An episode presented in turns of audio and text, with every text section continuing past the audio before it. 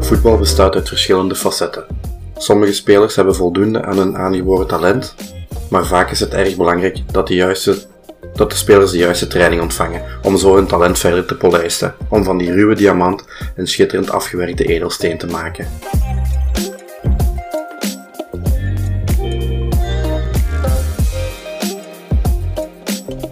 De Football Managers United podcast.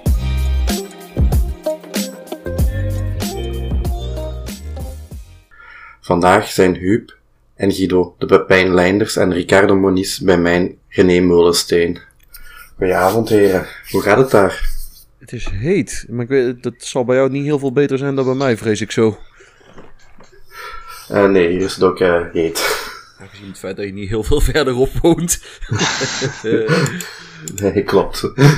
Dus bij u? Nee, en ik, ik woon wel een stukje noordelijker, ook niet enorm veel. Um, ja, het koelt. Het begint nu redelijk af te koelen. En door dan in huis alles open te gooien, uh, ja, hoop dan... ik het een beetje houdbaar te houden voor de komende dagen. Wat zeg, hebben jullie dan niet enorm veel last van vliegen en muggen? Want dat is dan hier weer een ding.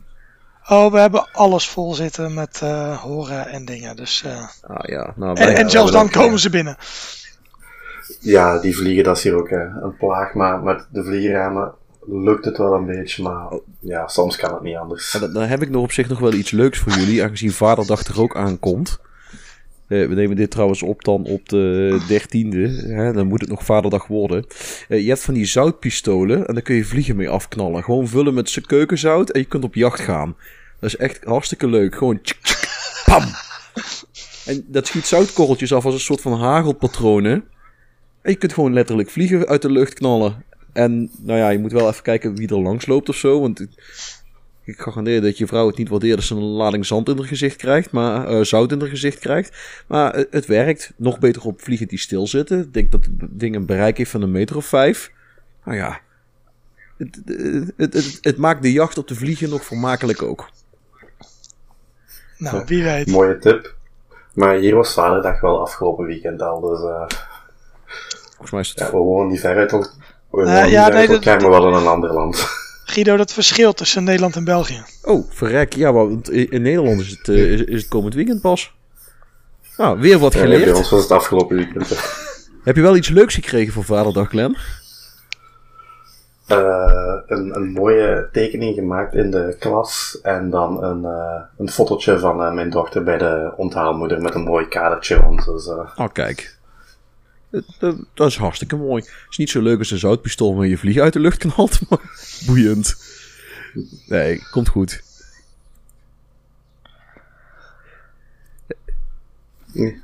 Ik denk dat we van daaruit dan uh, naar onze eigen safe gaan, toch?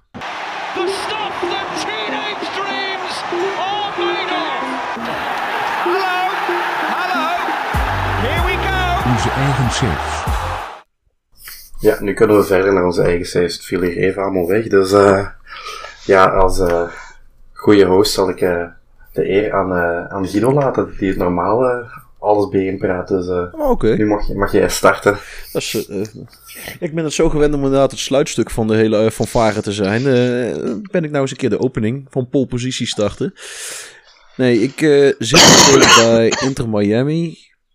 En ik roep elke keer dat het op zijn einde gaat. Maar nou, ze zijn nou weer een nieuw stadion voor me aan het bouwen. Dus dan heb ik toch altijd zoiets van heel even kijken of ze het ook naar mij gaan vernoemen. Dus, ja, we, we, raggen, we nog even door. Uh, ik heb toevallig, en dat was op zich nog wel geinig, een, uh, de wereldbeker voor clubteams voor de derde keer op rij gewonnen met Inter Miami. En nou, dat blijft dan altijd zeg maar zo'n zo'n exercitie in ja, topwedstrijden winnen met een ploeg die daar eigenlijk niet geschikt voor is. Want ja, wat heb je in de MLS? Vier of vijf goede voetballers en de rest zijn hele matige Amerikanen die heel hard kunnen rennen. Nou ja, hè, en om het bruggetje naar het thema vast te slaan, met wat training kun je er nog wel iets van maken. Maar je moet niet verwachten dat het ineens worldbeaters gaan worden. Dat, uh, dat worden het niet. Nee, uh, in de groepsfase er doorheen gekomen omdat we, we speelden met 2-2 gelijk tegen Arsenal. Maar wij wonnen met 7-0 van Al Hilal uit Saoedi-Arabië en Arsenal wonnen maar met 4-1 van. Dus we, ga je op doelsaldo door. Even kijken, dan hebben we volgens mij in de tweede ronde met 3-0 gewonnen van Bayern. Daarna 3-1 gewonnen van Millwall. In de finale best wel eenvoudig met 4-0 van Tottenham. En dan in de finale was het ook 3-0 tegen Dortmund. Dus ja, ik, ik klaag niet. Maar mijn nieuwe geheime wapen is een Amerikaanse spits van 1,98 meter met 18 voor jumping. het enige wat wij doen is de bal tegen zijn hoofd aantrappen. En dan zorgen dat er snelle jongens om hem heen staan die achter de bal aanrennen. En bij corners doet hij het op zich ook wel leuk. Dus ja, dat is uh, een soort kick and rush, maar dan uh, strikerless. Of zoiets. Ik verkoop het niet heel echt, hè. Uh, misschien moet ik het de Steinbal avant la lettre noemen. doet, doet het goed, bij, zeker bij onze Ajax, bij onze Ajax-fans. Niet? Ik zie Huub, je kijkt niet heel vrolijk, Huub. Als een beetje een boer met kiespijn. Nou ja, ik, ik laat me graag nog overtuigen. Um, we moeten het er maar mee doen. Nou ja. Kijk, kan het slechter als Alfred Schreuder. Nou. nou Oké, okay. weet, weet, je wat? Ik, ik denk dat het wel degelijk slechter kan dan Alfred Schreuder, maar we, we gaan het zien. De, deze trainer heeft in ieder geval een idee. Dat is al meer dan wat Schreuder had. Heeft. Maar goed, dat is, dat is het idee. Uh, ik ben ook met de pokerplayer bezig. En als het goed is, ben ik op twee landjes na ben ik klaar. En even uit mijn hoofd zijn er alleen Tuvalu en Kiribati nog die ik moet afvinken. Dan moet ik wel zeggen, ik heb de Wallace en Futuna eilanden even prematuur aangevinkt. Omdat die gozer op 17 wedstrijden staat. En ik, volgens mij heb ik nog iets van 12 of 13 wedstrijden te spelen dit seizoen. Dus die laatste drie wedstrijden tikt hij ook nog wel aan. Dan moet ik hem bij wijze van spreken met één been half gebroken het veld insturen voor een minuut. Die laatste paar wedstrijden die gaat hij ook nog wel uh, dit seizoen halen. Uh, het enige... Kruisbeenletsel incoming. Ja, dat. Die moet zich niet aanstellen. Walk it off. Het uh, enige probleem van Kiribati is dat daar maar, er zijn maar drie spelers met die nationaliteit in het spel op het moment. En die zijn alle drie halverwege de 30 en zijn niet bereid om naar de VS te verhuizen. Dus ja, dat, dat schiet even niet op. Maar ja, dat, uh, dat is hoe ik er op het moment voor sta. Ah, Oké, okay, mooi. Weer al een game waar je heel lang mee bezig bent. En dan die het WK voor clubs op uh, doelsaldo doorgeraken, dat ken ik ergens van in een uh, stafette game die momenteel een beetje stil ligt. Ja, dat, we moeten Paul er eens even onder zijn reet schoppen, want die reageert ook op, niet op zijn DM's. Maar goed. En uh, hoe gaat het bij jou? Uh, nou ja, ja, ik ben uh, nog bezig met mijn uh, Sparta save met wat beperkingen. Um, ik heb er een veredelde youth only van gemaakt. Um, omdat ik het wel leuk vind om nog een beetje wat met, ook met transfers te doen. en ik het ook altijd wel mooi vinden, vind als spelers terugkomen naar een club. Sta ik mezelf toe om spelers die door Sparta getraind zijn, die mag ik terughalen. Um, de vorige keer zat ik volgens mij halverwege seizoen 2. Um, ehm, um, mijn tweede seizoen heb ik toen afgesloten als uh, tiende. moet ik even goed kijken. Oh nee, mijn tweede seizoen heb ik afgesloten als achtste. Ik was in het eerste seizoen tweede geworden. In, uh, nee, tweede. Nou, ik ben helemaal in de war. Eerste seizoen was ik tiende geworden. Tweede seizoen achtste, dus een mooie lijn. Um, wel tot de laatste speelronde echt meegedaan om uh, uh, plek 4 geloof ik. Stond allemaal super dicht bij elkaar. Maar dat, nou, dat, uh, de kwartjes vallen in deze save voor mij net te veel de verkeerde kant op. Um, aan het derde seizoen begonnen met Nick Viergever erbij in de selectie. Die had ik beoogd als een nieuwe basisspeler. Dat heeft hij niet waar kunnen maken omdat Mike Eerthuizen het fantastisch doet. Uh, eigenlijk wil ik hem steeds vervangen. Ik heb ook eerder al uh, Matteo, Mattea Milovanovic van Ajax teruggehaald. Als een talentvolle uh, linker centrale verdediger. ja, die, maar die, die krijgt, dat, krijgt dat ook niet voor elkaar. Dus voorlopig houdt, hoewel het een zeer beperkte voetballer is, Eerthuis hem uit de basis. toen begon ik vol goede moed aan het derde seizoen. Dat liep een tijd best aardig, totdat ik weer eens, en dat gebeurt mij vaker, een periode had dat alles helemaal in elkaar stortte. En toen eindigde ik uiteindelijk als dertiende. Het bestuur bleef nog steeds wel redelijk tevreden met mij, dus daar doe ik blijkbaar iets goed. Um, aan het eind van het derde seizoen ging Bart Vriends. Hè, en het einde van derde seizoen was dan um, 2024, 2025. Uh, Bart Vriends die uh, stopte er ineens mee, had hij niet aangekondigd, maar die besloot ineens van de een op de andere dag uh, zijn kiks aan de wilgen te hangen. En toen zat ik met een gat centraal achterin, want ik had ook, ik, ik heb wel talentvolle jeugd. Maar niet dat ik denk, die zijn er klaar voor. Dus ik moest een beetje gaan schuiven. Dus ik heb van uh, Arno Verschuren heb ik een centra ben ik een centrale verdediger aan het maken. Die, qua, attributen moet hij dat prima aankunnen. Hij speelt er ook wel aardig. Um, daardoor kwam er ruimte op het middenveld. Uh, dus daar ben ik een beetje aan het zoeken. En ik heb mijn eerste redelijke verkoop gedaan. Joshua Kitolano, daar stond Leicester City voor op de stoep. Uh, die heb ik ook in diezelfde zomer als dat vriend stopte uh, voor 3 miljoen kunnen verkopen. Was een beetje aan de lage kant. Had ik misschien wel meer uit kunnen halen. Maar het zat er ook niet meer in om hem nog langer te houden. Ook met zijn contract en zijn eigen wensen. Dus heb ik dit een beetje moeten accepteren. Uh, ik ben wat nieuwe spelers in aan het passen. Hamza Aldari, Delano Vianello um, en Dylan Shigaru. Uh, het zijn goede jonge spelers. Uh, Nicolai is onder de lat verdreven door uh, Joey Korevaar. Weet nog niet of dat echt een goede keus was, maar Olij was het ook niet. En mijn grote talent, Paul Mbala, die heeft op zijn uh, achttiende inmiddels een basisplaats als rechtsbuiten. Doet het daar prima. Uh, een van de betere spelers van mijn team. En die gaat ook nog wel doorgroeien. Um, dus ja, dat, uh, dat, op zich ben ik daar wel tevreden over. Um, de, er zitten echt wel talenten, maar waar ik mee worstel is, hey, hoe krijg ik die nu goed hoe kan ik ze door laten ontwikkelen met voldoende speeltijd, terwijl ze op dit moment nog niet goed genoeg zijn om echt een bedreiging te vormen voor uh, mijn eerste elftal spelers. Uh, ja, maar ook, kijk, ik heb een aantal talentvolle spitsen, maar ze komen gewoon nog niet bij Lauritsen in de buurt. En dan kan ik ze wel uh, uh, wedstrijden gaan geven, maar dat, uh, daarmee snij ik mezelf in de vingers. Dus dat is een beetje de worsteling waar ik mee zit.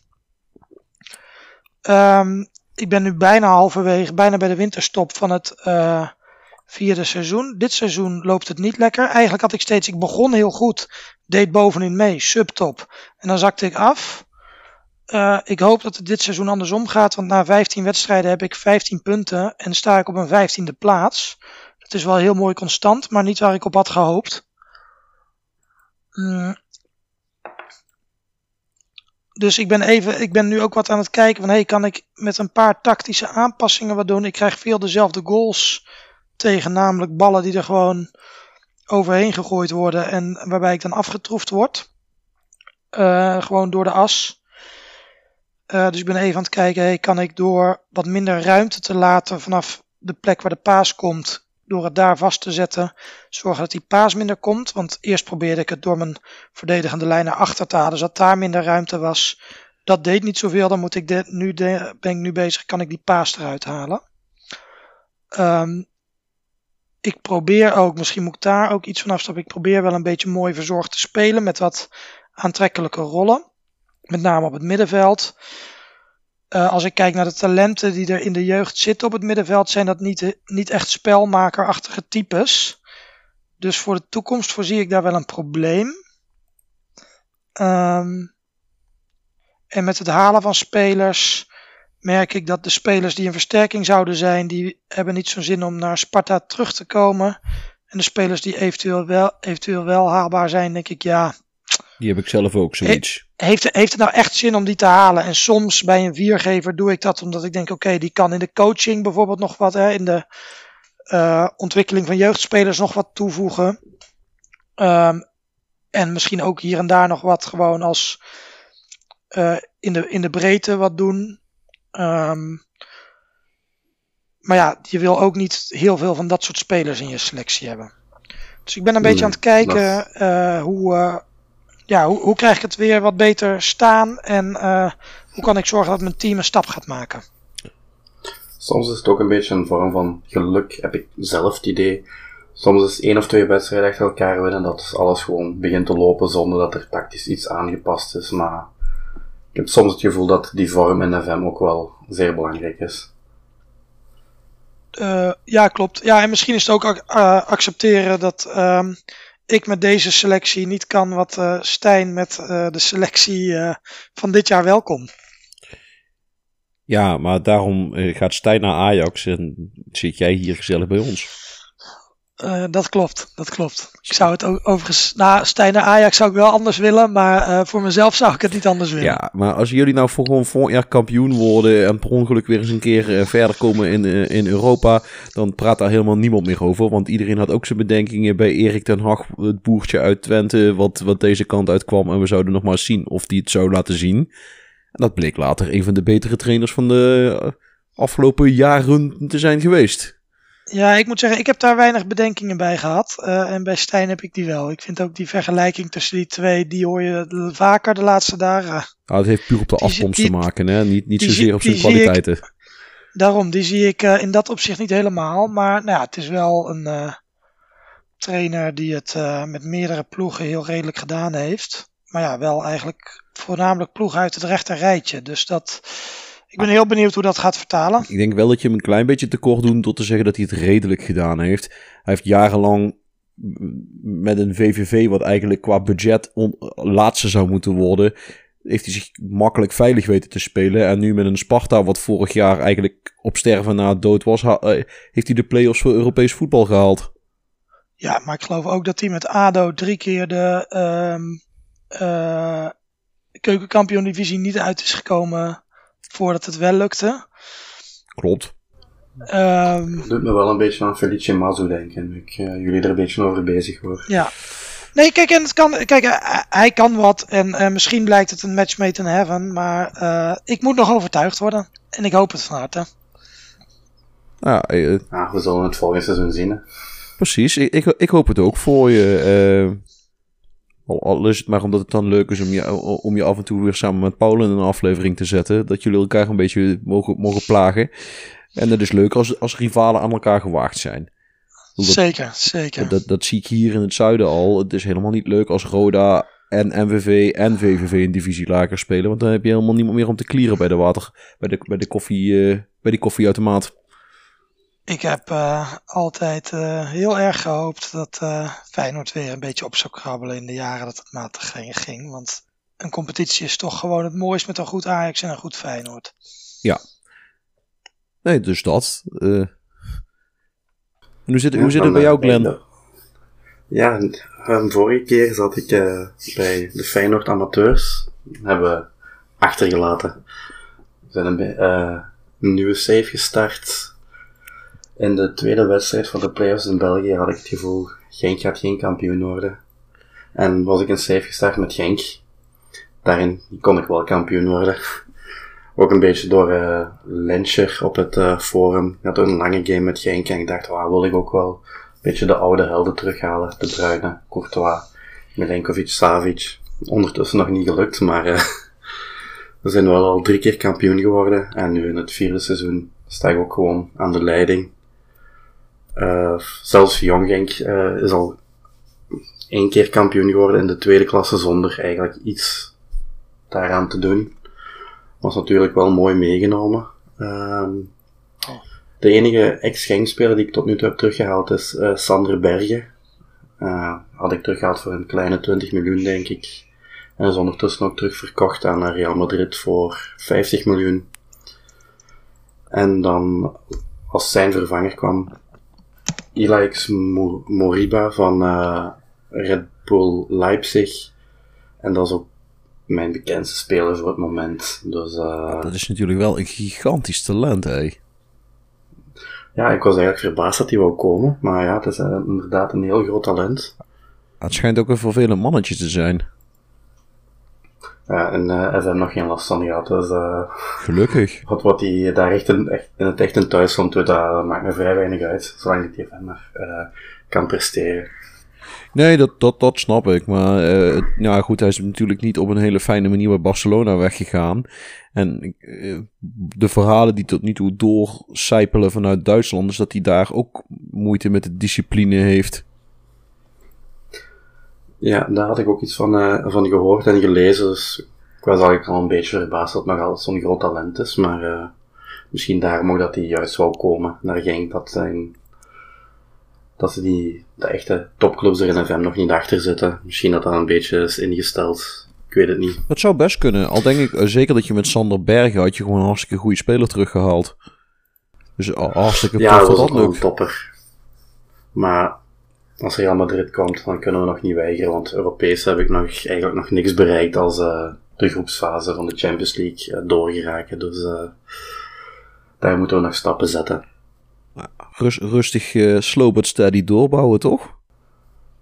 Ja, dat is wel de bedoeling dat deze save ook doorgaat tot uh, FM24. Dus ik ben benieuwd waar ik ga stranden. Ja, dan heb je nog tot eind november zoiets. Dat is meestal wanneer die nieuwe versies een beetje uitkomt. Ja, pak dat het ergens in begin november, een beetje begin oktober begint te stokken. Dan zal ik beginnen uit te kijken naar de nieuwe. Dus ik heb nog wel een tijd. Gaat goed komen dan. Maar tof man. Ik vind het sowieso altijd wel, wel cool. Uh, maar ik denk dat Huub het daarmee eens is. Als je, speler, als je spelers met een verleden bij de club weer een beetje terughaalt. Zeker als ze het ook nog een beetje goed gedaan hebben bij de club. Ja, zeker. Dat is ja, natuurlijk klopt. ongeveer de basis van mijn, uh, van mijn Sparta-save. Uh, dat bedoel ik. Bedoel, dat pak real life niet altijd even goed uit. Dat, dat, dat, als je oudspelers terughaalt. Want niet elke oudspeler die terugkomt is een garantie voor succes. Ik meen mij in het verleden. Dat hebben we dit seizoen ook gemerkt. Ja, zie je, daar ga je al. Ja, dus, uh, bij ons was Ali Samatta, uh, een van de vorige kampioenen van Genk, teruggekomen, maar niet meer dezelfde speler als vier jaar geleden. Jammer, maar ja, Onver kan niet anders. Onvermijdelijk. Ja. En dan, ja, als de spelers niet willen terugkomen, als ze nog speler zijn, dan wil ik ze in de staf om dan uh, toch wel een mooi gengsgetinte staf te hebben. En dan zo hopelijk wat goede trainingen te laten geven door die mannen. Subtiel bruggetje. Ja, ik probeer een subtiel bruggetje erin te steken, ja. dus met uh, deze mooie brugje gaan wij over naar het thema van de week. It's just extraordinary scenario you could have dreamt of. The unthinkable unfolds before our eyes. Het thema van de week. Uh, Voetbalmanager komt uh, met allerlei preset trainingen. Er zijn tal van trainingsschema's uh, te downloaden.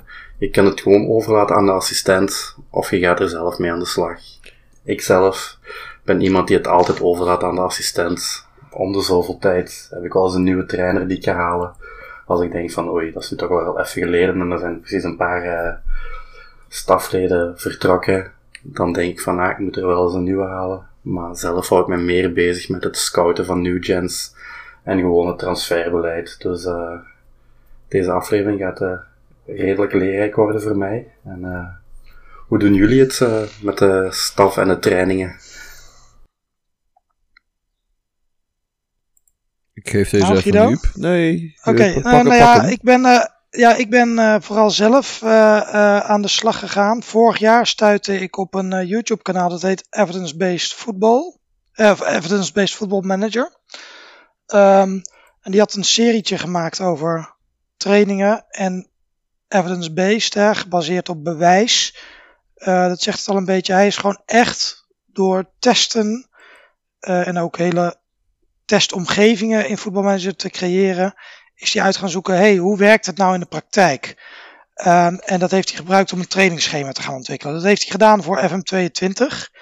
En toen dacht ik, hé, hey, dat is wel interessant. Laat ik voor FM23 gewoon eens wat uh, gaan proberen. Uh, ik ben aan de slag gegaan, niet door zelf te gaan testen, want nou, daar heb ik geen tijd voor. Maar ik heb wel, um, en daar speel ik ook liever FM. Ik ben wel uh, ik heb een hele Excel gemaakt met wat, welke trainingen volgens het spel welke attributen verbeteren. Dat is nog best ingewikkeld, want nou, je hebt natuurlijk ook hè, de, de, de, de verdedigende spelers, de aanvallende spelers en de keepers. Dus dat probeerde ik daar allemaal in te verwerken. Dat heeft een, uh, is een artikel geworden op Managers United. Ik zal de link, die uh, komt nog wel in de show notes. En toen daarmee ben ik zelf aan de slag uh, gegaan om te kijken, hey, wat zijn dan dingen waarvan ik denk dat zijn passend bij mijn speelstijl of wat ik denk dat goed is voor de ontwikkeling van spelers. Uh, ben ik daarmee aan de slag uh, gegaan om eigenlijk zelf wat te gaan ontwikkelen. Toen is later, nadat ik dat gedaan heeft, is dat YouTube kanaal ook voor FM23 weer aan de slag gegaan. Die hebben eigenlijk hetzelfde gedaan als volgend jaar, nog wat uitgebreider.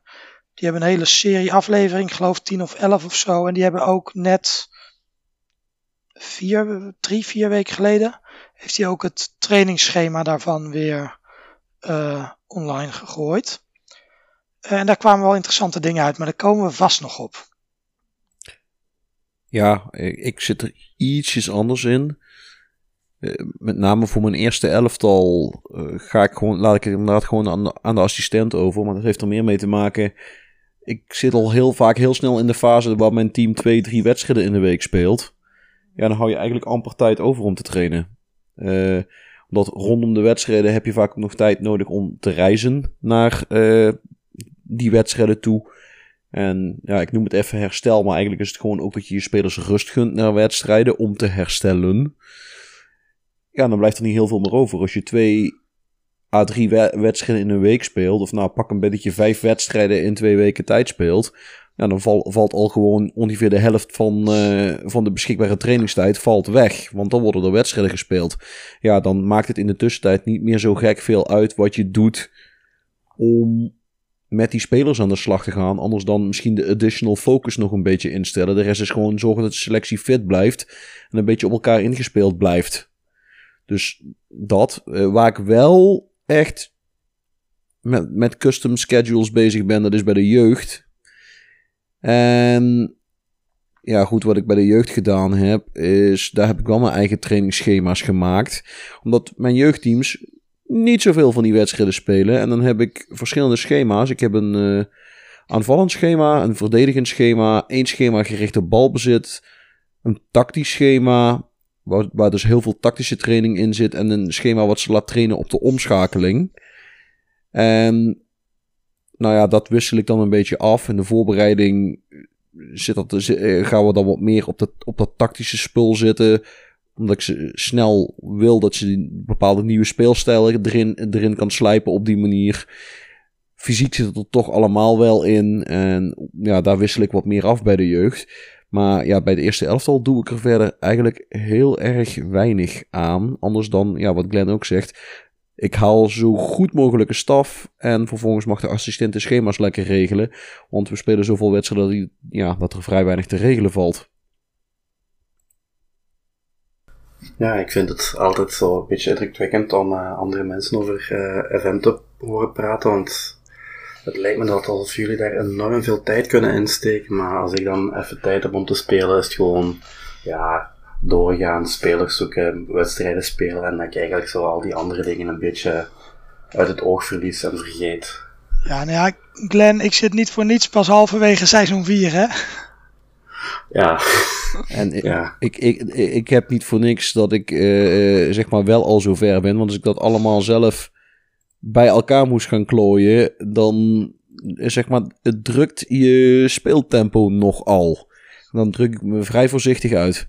Want je, je gaat niet natuurlijk op goed geluk maar wat dingen aanvinken zonder af en toe ook te moeten controleren of het daadwerkelijk werkt. En hè, dan komen we weer bij evidence-based uit. Je kunt wel allerlei ideeën hebben, maar als je die niet toetst en niet controleert of het ook klopt wat je in je hoofd gehaald hebt.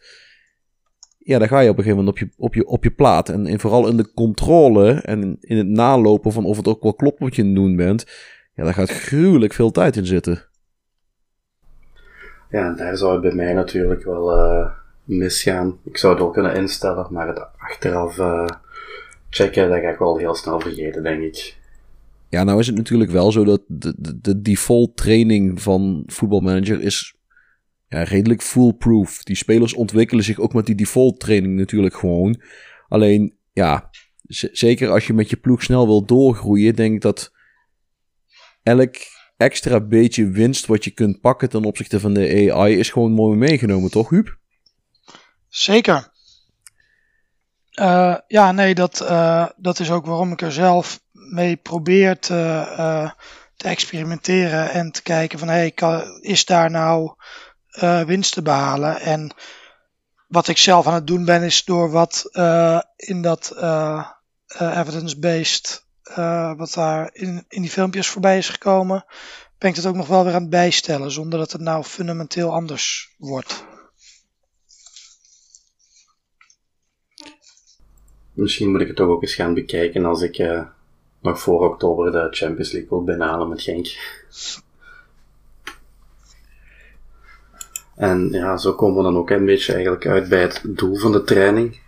En in de eerste plaats is natuurlijk ook uh, het spelers ontwikkelen en beter maken. En uh, helpen die schema's daar ook echt bij? Of zien jullie daar niet zo'n groot verschil mee? Of gaan ze echt meer uit de wedstrijden zelf halen? ik geef hem in eerste uh, instantie weer even aan Huub door. Uh, nou ja, kijk. Uh, dat is altijd een beetje ingewikkeld. Je hebt het eigenlijk allebei nodig. Um, wedstrijden doen veel. zeker vanaf een jaar. Ja, er wordt vaak 18 gezegd. Vanaf 21 tot 23 jaar is het echt heel belangrijk. Um, tot 21 jaar um, zie je doet training ook veel en geven wedstrijden echt wel wat e-, echt een hoop extra's. Uh, maar dat is als ze wat minder speeltijd krijgen en ze trainen goed, doen ze een hoop. En als je ze dan later alsnog speeltijd geeft, halen ze heel veel wel weer in. Um, ja, en als ze ouder zijn, is het vooral heel erg onderhouden. En um, helpt het de, uh, de aftakeling, als ze echt ouder worden, helpt het de aftakeling wat uh, tegengaan. Ik denk dat dat matcht met, met wat ik, hoe ik er zelf in sta. Ik denk op het moment dat een speler bij mij bij de A-kern komt, bij de eerste 25 spelers, dan moet hij eigenlijk al ja, een soort van end product hebben. Uh, hij, hij, moet al klaar zijn om te staan. Het moet niet een speler zijn waar nog heel veel aan moet gebeuren. Vandaar dat het vaak ook wel spelers zijn die vaak nou, zeker begin 20 zijn op het moment dat ze echt in de A-kern komen. Of je moet het echt over enorm goede 18, 19-jarigen hebben. Maar meestal komen ze voor die tijd bij mij gewoon nog simpelweg niet in aanmerking om in het eerste mee te doen. Of er moet een enorme blessuregolf zijn. Dus vaak is het zo dat ik. En dat is voor mij ook de reden dat ik eh, voor de training van het eerste stop ik geen tijd in. Anders dan, het, het moet ervoor zorgen dat het een team blijft. Die units moeten leren samenwerken en die moeten zich aanpassen naar, naar de speelstijl waar ik mee wil werken. Maar als het gaat om het ontwikkelen van spelers, ja, dan daar stop ik wel tijd in. En dat is wat ik met de jeugd doe. Want ja, daar valt de, daar valt de winst te halen. Daar kun je spelers nog omtrainen op een snelle manier naar een andere positie. Daar kun je ze op bepaalde rollen veel meer laten trainen. Om bepaalde attributen meer aan te scherpen. Want dan zit je weer ook bij dat idee van: wil je een speler die alles redelijk kan, of die een aantal dingen echt wereldtop is, en daarmee een wapen vormt voor, voor je arsenaal, voor jouw team.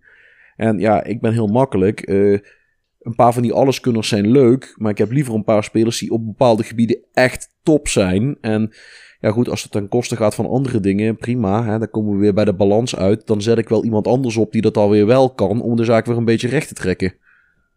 En zo ga je puzzelen. Hoor ik al een eerste tip. Ik, eh, ik haal vrij snel uh, 17, 18-jarigen bij het eerste elftal, dan niet als basisspeler, maar wel als backup, omdat ik denk van, gaan ze zoveel hebben van de training die uh, ik ze geef, dat ik, dat ik ze liever af en toe eens in het uh, rotatiesysteem uh, zet.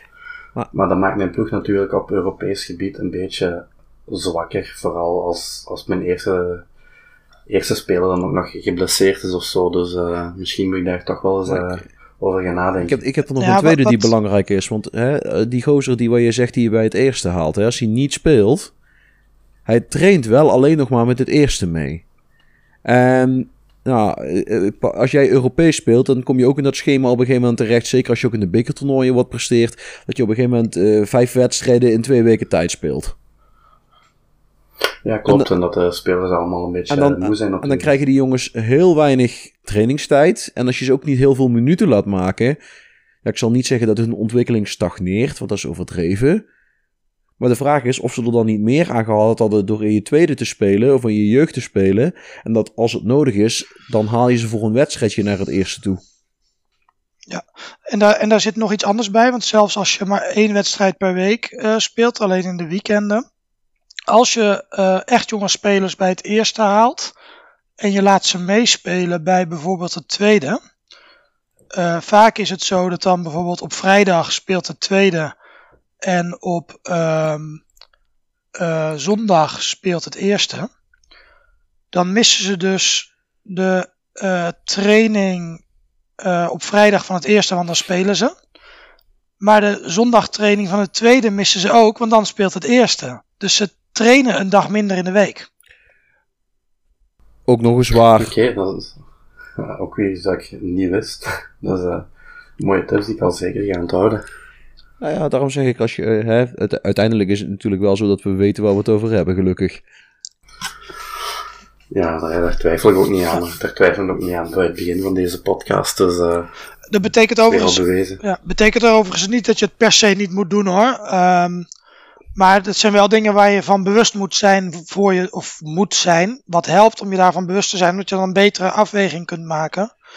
Ehm, wat is het best voor de ontwikkeling van deze speler? Kijk, de, de andere kant van de medaille is natuurlijk ook weer dat de spelers die in het eerste spelen vaak heel snel een stijging in reputatie krijgen. En als, je, als, het, als het vooral erom gaat om ze verder te verkopen, nou ja, dan is dat de manier om ze, om ze snel verder te kunnen verkopen, omdat hun waarde ineens enorm toeneemt. Maar ja, dat is de afweging en de keuze die je dan zelf maakt. Ja, kijk, en op het moment dat je een eh, groot talent hebt, als die bij het eerste, eh, als die echt bij het eerste zit, eh, kan die wel gementord worden door je spelers van het eerste. Wat meestal, en meestal heb je in je tweede en zeker in je jeugdteam geen geschikte spelers daarvoor rondlopen. Dus dan kun je hem via mentoring kun je hem wel enorm op de mentale aspecten laten groeien. Maar Eh, dat is iets wat dat extra biedt. Dat helpt natuurlijk wel alleen op het moment dat die speler ook daadwerkelijk zijn minuutjes maakt. Want als hij gewoon een beetje voor de vorm bij de selectie begon hobbelt, dan helpt het ook niet enorm. Want dan leuk dat ze men, dat mentaal allemaal beter gaat, maar als de rest dan min of meer stagneert, dan zit je daar weer mee. Klopt, maar dat, is, maar dat is dus een afweging. Als je denkt van hé, dit is echt een groot talent, maar die wil ik wel echt die mentoring eh, geven, dan kan dat een afweging zijn dat je denkt, nou dan accepteer ik even een iets mindere ontwikkeling op de rest en dat trek later wel bij. Dat soort dingen, hè, dat, dat- dat kan een afweging zijn om het toch te doen. Nee, he- helemaal mee Ja. eens. Helemaal mee eens. Ja, daar ga ik me toch eens een, een beetje meer mee bezighouden de volgende keer dat ik eh, wat tijd heb om te spelen. Als het goed is, heb je ook, zeg maar, als je echt enorme spelers van, je, vanuit de jeugd doorkrijgt, dat je een soort van planning voor ze maakt van, nou, eh, over hoeveel jaar denk ik dat ze bij het eerste kunnen. En eh, eh, daar hou je dan ook weer rekening mee bij de aankopen. Als je weet, over twee jaar heb ik een enorm goede linksback die in het eerste moet staan. Dan ga je, dan ga je niet eh, eh, in, dat, in, eh, in datzelfde tijdschema een, een hele jonge linksback van 23 halen die dan in het eerste moet staan, want die blokkeert dan weer de doorgang van die andere gasten. Ja, klopt. Dan ga ik meestal ook al een, een, een oudere speler huren of eh, voor één of twee jaartjes vastleggen. Ten- Tenzij je natuurlijk Real Madrid of Chelsea bent, dan koop je gewoon alles wat je krijgen kan. Ja, en ook niet altijd de juiste keuze gebleken natuurlijk. Dat, want dan, dan verkoop je spelers die je dan later weer van een hoop geld terug moet halen. Want dat is Real ook nog wel eens gebeurd. Eh, zie, zie bijvoorbeeld Ach, Ach, Achraf Hakimi. Ja, klopt. Dat is- dat is zo een, een voorbeeld. Maar ik denk dat ze nu een lesje geleerd hebben met een speler waar ze een buyback clause eh, hadden bij gebruikt. Dan de naam ontgaat mij nu wel even. bedoelt die linksback die ze bij, eh, ik dacht Getafe opgepikt hebben nou. Ja, ik denk, ik denk dat hij het is, ja. Ze hebben toch al een beetje geleerd. Ja, klopt. Klopt. Maar eh, ja, ide idealiter zorg je inderdaad gewoon voor dat, dat je ja, de, door, de doorbraak van je eigen spelers niet blokkeert. Maar goed, hè, uh, Huub's favoriete club is daar ook af en toe heel erg goed in. Uh, dat ze dure spelers van buiten afhalen, waardoor de grote talenten uit de eigen jeugd vervolgens niet verder komen. Ik uh, noem even een uh, en een uh, Hansen die geblokkeerd werden omdat er van buitenaf weer een hoop jongens kwamen. Waardoor die grote talenten uit de jeugd uiteindelijk wegrotten bij jong Ajax of verhuurd worden. Of gewoon van niks de deur uitlopen en dan kun je zo van een paar jaar weer voor 17 miljoen ophalen. Klopt. Laten we hopen dat het... Sorry, ik ben, nou, ik ben dat een plagen. Dat er ruimte voor komt. Ik ben een plagen natuurlijk. Guido kruipt hier even in de rol van Paul om af te geven op Ajax. Ja, maar moet ik wel zeggen, voor mijn gevoel ben ik veel minder hatelijk, hatelijk, hatelijk en stekelig. Tenminste, ik ja, heb maar zelf... Paul speelt wel met Ajax natuurlijk. Precies, bij mij is het niet zo dat ik Ajax haat. Ik bedoel, als, als, als Huub voor PSV was geweest, dan had ik een soortgelijk voorbeeld bij PSV kunnen bedenken. Dus de, ik, ik, ben voor, uh, ik ben wat meer gericht op gewoon een beetje de dynamiek en wat minder op het... Ik moet die club niet rode waas voor de ogen, schuim op de lippen. Tenminste, jullie kunnen me op de camera zien. Ik heb volgens mij geen schuim op de lippen. Nee. Net niet. Gelukkig. Ja, dan uh, ja, ik dat we zo ook verder kunnen naar onze tweede en misschien ook wel ineens ons derde puntje van uh, de tool van de training. Dat is dan vooral aan de A-kern gaat het dan zijn voor het voorbereiden van de wedstrijden. Maar is het dan ook niet zo een beetje om uh, de sfeer en het, het teamgebeuren, dat de dynamiek goed zit, is dat dan ook geen taak van de training in de A-kern? Of is dat ook bij de jeugd al belangrijk? Ah, ik, heb al eerder gezegd, ik gebruik de, trainingen van het eerste vooral om ja, mijn speelstijl in te slijpen. Uh, als die heel verdedigend is, dan is het uh, dus met een low block. Dan trainen ze dus vooral op verdedigend positiespel. En dan vervolgens op snelle uitbraken. Op het moment dat we aanvallend hoogpressievoetbal spelen, dan is dat waar, al, waar we vooral op trainen. Op, op looppatronen en loopacties. Want het is strikerless, dus je, je bent sowieso heel erg afhankelijk van... Loopt iedereen op de goede plek en doet iedereen wat hij moet doen? Da daar zit wel wat tactisch trainingswerk in. Um, maar nogmaals, de, de, de ontwikkeling van de spelers als persoontje, dat is vooral in de jeugd. En wat je dan in het eerste doet, is vooral via additional focus. Dat je ze op bepaalde rollen of bepaalde extra attributen laat trainen. Uh, tenminste, dat is hoe ik het dan een beetje aanvlieg. Maar dat is meer ja, de puntjes op de i zetten. Of uh, een beetje extra polijstwerk om er nog wat van te maken. Ik weet niet hoe jij dat tegenaan kijkt, Huub. Um, nou ja, ik ben. Uh, ik heb eigenlijk één schema en dan wel in verschillende variaties, omdat de speelweken niet altijd hetzelfde uitzien. En die pas ik eigenlijk overal uh, toe, dus bij al mijn teams. Daar maak ik nu wel nuanceverschillen in. Um, wat je zegt vind ik wel interessant, dus ik zit meteen te denken, hey, zou ik daar niet wat aanpassingen inderdaad voor het eerste aan moeten doen? Um, ja, kijk, het is die samenhang en, en, die en, dat ze tactisch weten wat er gevraagd wordt, is wel belangrijk. Daar heb je die. Uh, daar heb je natuurlijk een hele eigen specifieke categorie uh, voor de uh, wedstrijdvoorbereiding.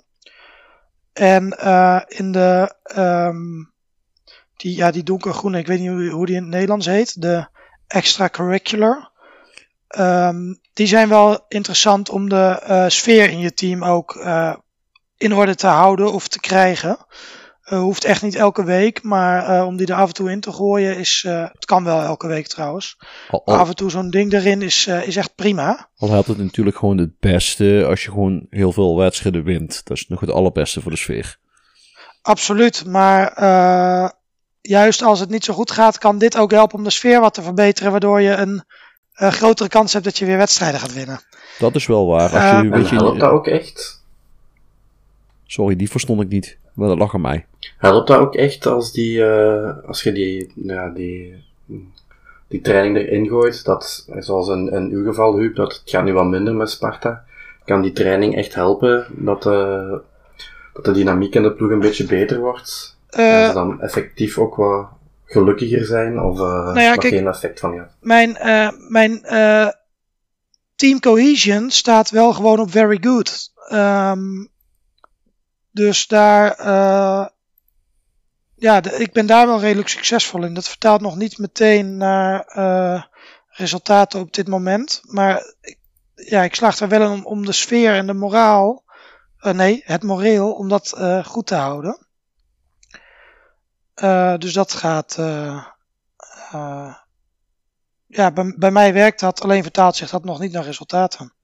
Dus de moraal van het verhaal, als ik een flauwe woordspeling mag maken, is de- het idee is er, maar in de uitvoering loopt het nog niet, net niet helemaal. Klopt. Klopt. Het moraal van het verhaal is gewoon wedstrijden winnen en alles gaat goed. Ja, dat, dat, Yes. dat, dat- dat is denk ik wel de, de hele simplistische vorm. Eh, ook wel bekend als Zidane-bal. Ik zet de juiste poppetjes op de juiste plek neer, dan winnen we wedstrijden en dan komt alles goed. Heel erg simplistisch en eh, geredeneerd, maar komt het wel een beetje op neer. Ja, en dan eh, ja, denk ik dat we ondertussen wel het doel van de training weten. En eh, ja, dan gaan we over naar een, eh, een, een volgend puntje en dat is de groepstraining. En eh, iedereen kent het wel. Op het einde van de week komt er eens, ah, deze speler heeft goed getraind, die krijgt een, een 9,5. Een andere speler krijgt dus een 5 of een 6.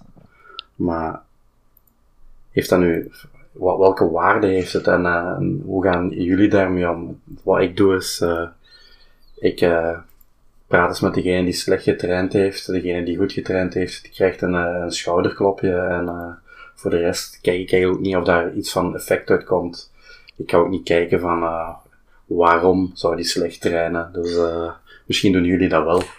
Ja, want zover kun je denk ik nog niet helemaal gaan in FM dat je echt kunt Nee. nakijken waarom dat hij slecht traint. En ik ben heel eerlijk, ik zeg, eh, net zoals jij, eh, spelers die echt onder de maat trainen, dus echt eh, onder de 6.0 zitten, die krijgen van mij een, een waarschuwing of een gesprekje. En voor de rest is het vooral, als ik twijfel tussen twee spelers, dan wil ik nog wel eens kijken wie er het beste getraind heeft met het idee, dan wil ik die een kans geven. Maar in het algemeen zijn, ja, ik heb wel echt mijn vaste basisteam van 14, 15, 16 man. En de rest hangt er een beetje bij. En als er geen schorsingen of blessures zijn, dan zijn dat vaak de jongere of de oudere spelers die gewoon weten dat ze niet heel veel aan spelen toe zullen komen. Dan moet ik wel zeggen, in die lange slopende seizoenen weet je dat die jongens op zich ook hun minuten zullen maken. Maar in die grote wedstrijden val ik toch terug op mijn vaste kern van 14, 15, 16 man, voor zover het gaat.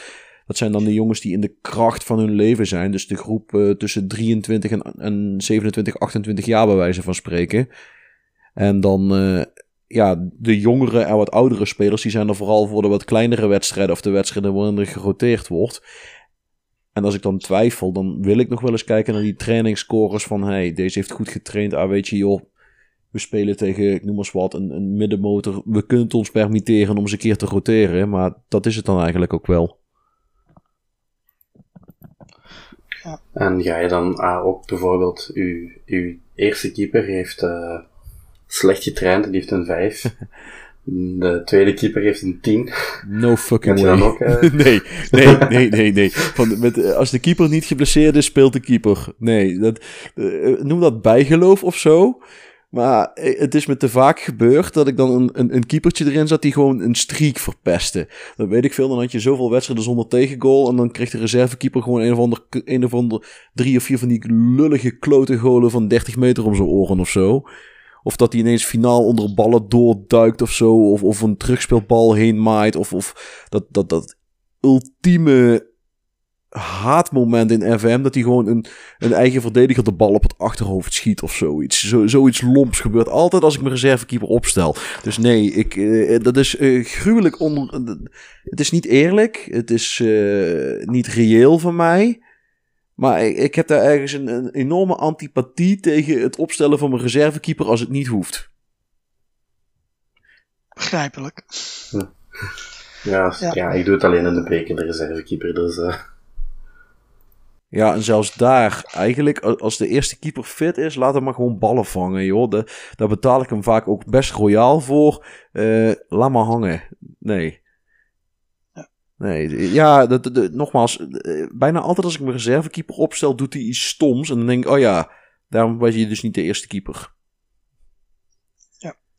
Ja, en de- ja, die trainingsscore, ik doe er ongeveer eh, hetzelfde mee. Ik weet niet pre- ook precies hoe het werkt, wat de functie ervan is. Ik vermoed dat het idee in elk geval is dat iemand die beter traint, dat die zich ook beter ontwikkelt. Dus dat die grotere vooruitgang laat zien als dat over langere periode is. Ehm, en verder geef ik inderdaad eh, eh, spelers op een flikker als ze onder de maat zijn. En ehm, soms heeft dat effect.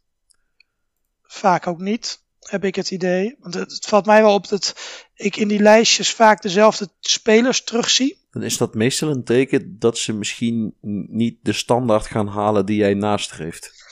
Dat, dat zou heel goed kunnen. En ehm, ik geef ook wel complimenten, maar ja, ik, ik wil ook niet elke week dezelfde mensen complimenten geven.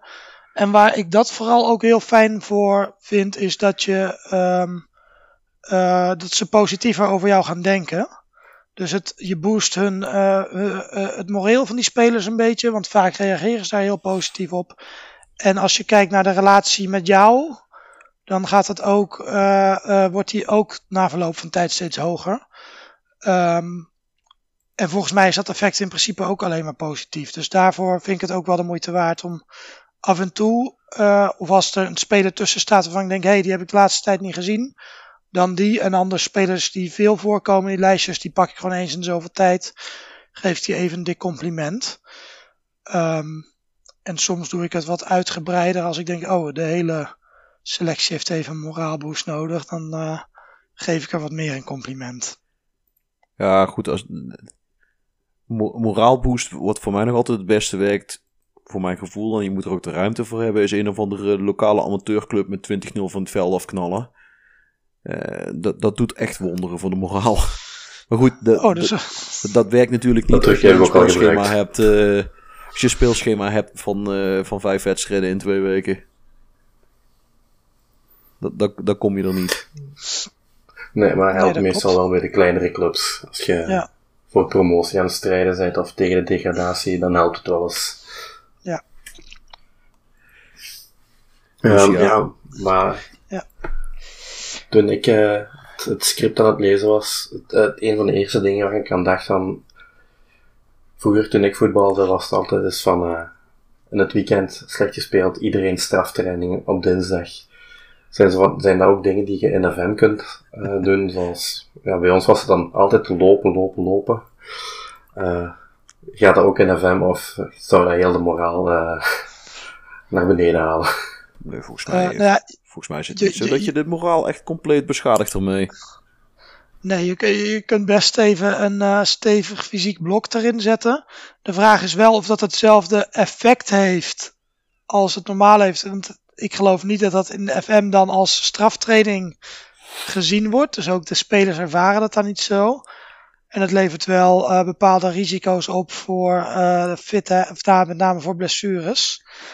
Ehm, dus ik vermoed dat dat niet op die manier werkt. Volgens mij zitten er geen straftrainingsopties in, toch Guido? Nee, dat is ook niet. Maar hè, je, kunt, je kunt het hooguit voor je eigen.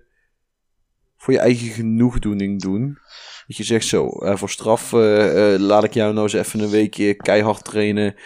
Dat je je er zelf beter bij voelt. Of dat je zegt, nou, voor straf laat ik je nou, jou nou eens een keer een weekje trainen als linksback. Maar terwijl het een spits is of zo. Maar dat is overigens wel iets waar je de moraal van de speler mee kunt beschadigen. Als je hem eh, dingen laat doen qua trainingen waar hij zich niet zo lang bij voelt. Dat vinden ze in het algemeen ja, niet zo tof. Wel een beetje realistisch natuurlijk, hè? want wie vindt eh, een, een straftraining nu wel tof? Ook al is het voor hun geen straftraining dan. Nee, dat. Dat klopt. Maar nee, echte straftrainingen zitten er denk ik niet in. Of, het moet voor je eigen. Ja. Voor je, voor je eigen genoegdoening zijn dat je een speler. eh, Dat, dat je bij wijze van spreken zegt. Nou, dan eh, ga je maar een paar. eh, dit is het equivalent van rondjes lopen, inderdaad. Maar ja, net zoals jij. Ik, ik had ook een, broertje dood aan lopen. eh, Dus als een trainer zei, ga maar alleen maar lopen. Nou, prima joh. Dan eh, ben ik die week, ben ik die training toevallig even ziek. En dan eh, prima joh, zet je me toch van de week, zet je me maar aan het weekend ernaast. Want als dit de manier is waarop je denkt dat we beter gaan spelen, daar prikken we op zich allemaal, als hele team, prikken we daar op zich wel doorheen. We, gaan- we- Ja, we- herkenbaar, we gaan jou als trainer niet leuker vinden omdat je ons nu rondjes laat lopen. We gaan echt niet beter spelen omdat je ons nu rondjes laat lopen. Kun je beter met ons in gesprek gaan van, hey, wat ging er nou mis en hoe gaan we dat de volgende keer anders aanpakken? Dan dat je zegt, nou, voor straf gaan jullie nu rondjes rennen. Ja. We zitten niet meer op de kleuterschool, hè? Trouw- Trouwens, bij de pupillen vond ik dat ook al niet leuk. Ja, ik, ja, ik had ook een broertje dood aan eh, lopen, dus eh, Ja, dat lopen is letterlijk het enige wat ik wel goed kan, maar dat, dan nog. Dan nog. Bij de, bij de groepstraining wel, wel interessant om eh, eh, te zeggen, denk ik. Wat eh, eigenlijk tot mijn verbazing enorm goed uit de tests van Evidence-Based Football Manager kwam. Waren eigenlijk de algemene trainingen. Want hij heeft gekeken als je nou. want ik geloof dat je elke training, bijna elke trainingssoort kun je maximaal zeven keer in een week zetten. Wat hij heeft gedaan, hij heeft gewoon dan voor alle verschillende trainingen die er zijn, die zeven keer in het trainingsschema gezet en verder niks. En dan gekeken waar eh, zijn nou is de eh, current ability, dus de, eh, ja, gewoon het niveau van de spelers, het hardst gestegen. En dat was vooral bij de ehm, algemene trainingen en dan met name bij eh, ehm, aanvallen en verdedigen. Dus die schijnen heel effectief te zijn voor het verbeteren van het niveau. Maar in, in zekere zin is het ook logisch, hè? Want de algemene trainingen zijn niet specialistisch, dus die hebben invloed op de grootste range aan, aan attributen die, ze daar die, die je ermee bereikt. Klopt, nou, maar, dat, ja, maar hij keek dus, en die twee, er zat wel een verband tussen, maar was niet één op één. Hij keek niet alleen naar eh, attributen, maar hij keek dus ook eh, naar wat doet het met, de, eh, met het niveau van een speler, want dat, nou, dat kon hij dan zien in de editor. Ehm, Ja, maar goed, er waren er ook, die be- behandelden wel best wel veel attributen, maar die hadden een minder groot effect op de eh, ability. Ja, in zekere zin. En dan ga ik een klein beetje in, duiken in hoe het spelletje werkt. En dan ga je meer spreadsheet manager doen. Maar hè, die attributen, die hebben allemaal een bepaalde waarde. Afhankelijk van de leeftijd en de positie van de speler. Dus ik noem maar eens wat. Voor een spits is finishing heel belangrijk. Terwijl het voor een verdediger een, een hele lage waarde heeft. Eh, of liever moet ik zeggen, dat er een lager gewicht aan toegekend is. Maar eh, die, die attributen, eh, die, die worden als het ware ingekocht met die ability punten die een speler heeft. Hoe hoger de ability, hoe hoger de attributen kunnen zijn, eh, dus zullen zijn. En hoe hoger de potential ability, hoe meer rek er nog in die attributen zit.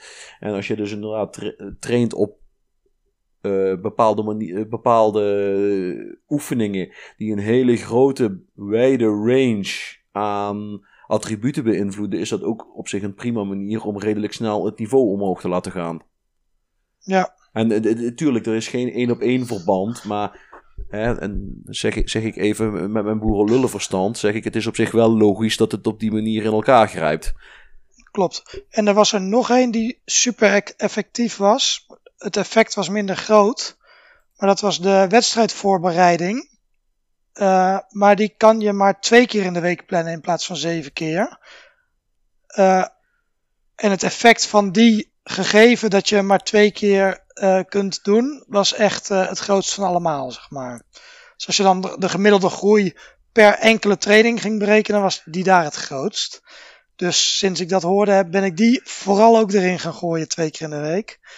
En ehm, als je dan in je trainingsschema een wedstrijddag hebt en je hebt een week geen eh, wedstrijd gepland staan, dan maakt hij van die wedstrijd maakt hij ook een extra wedstrijd voorbereidingstraining.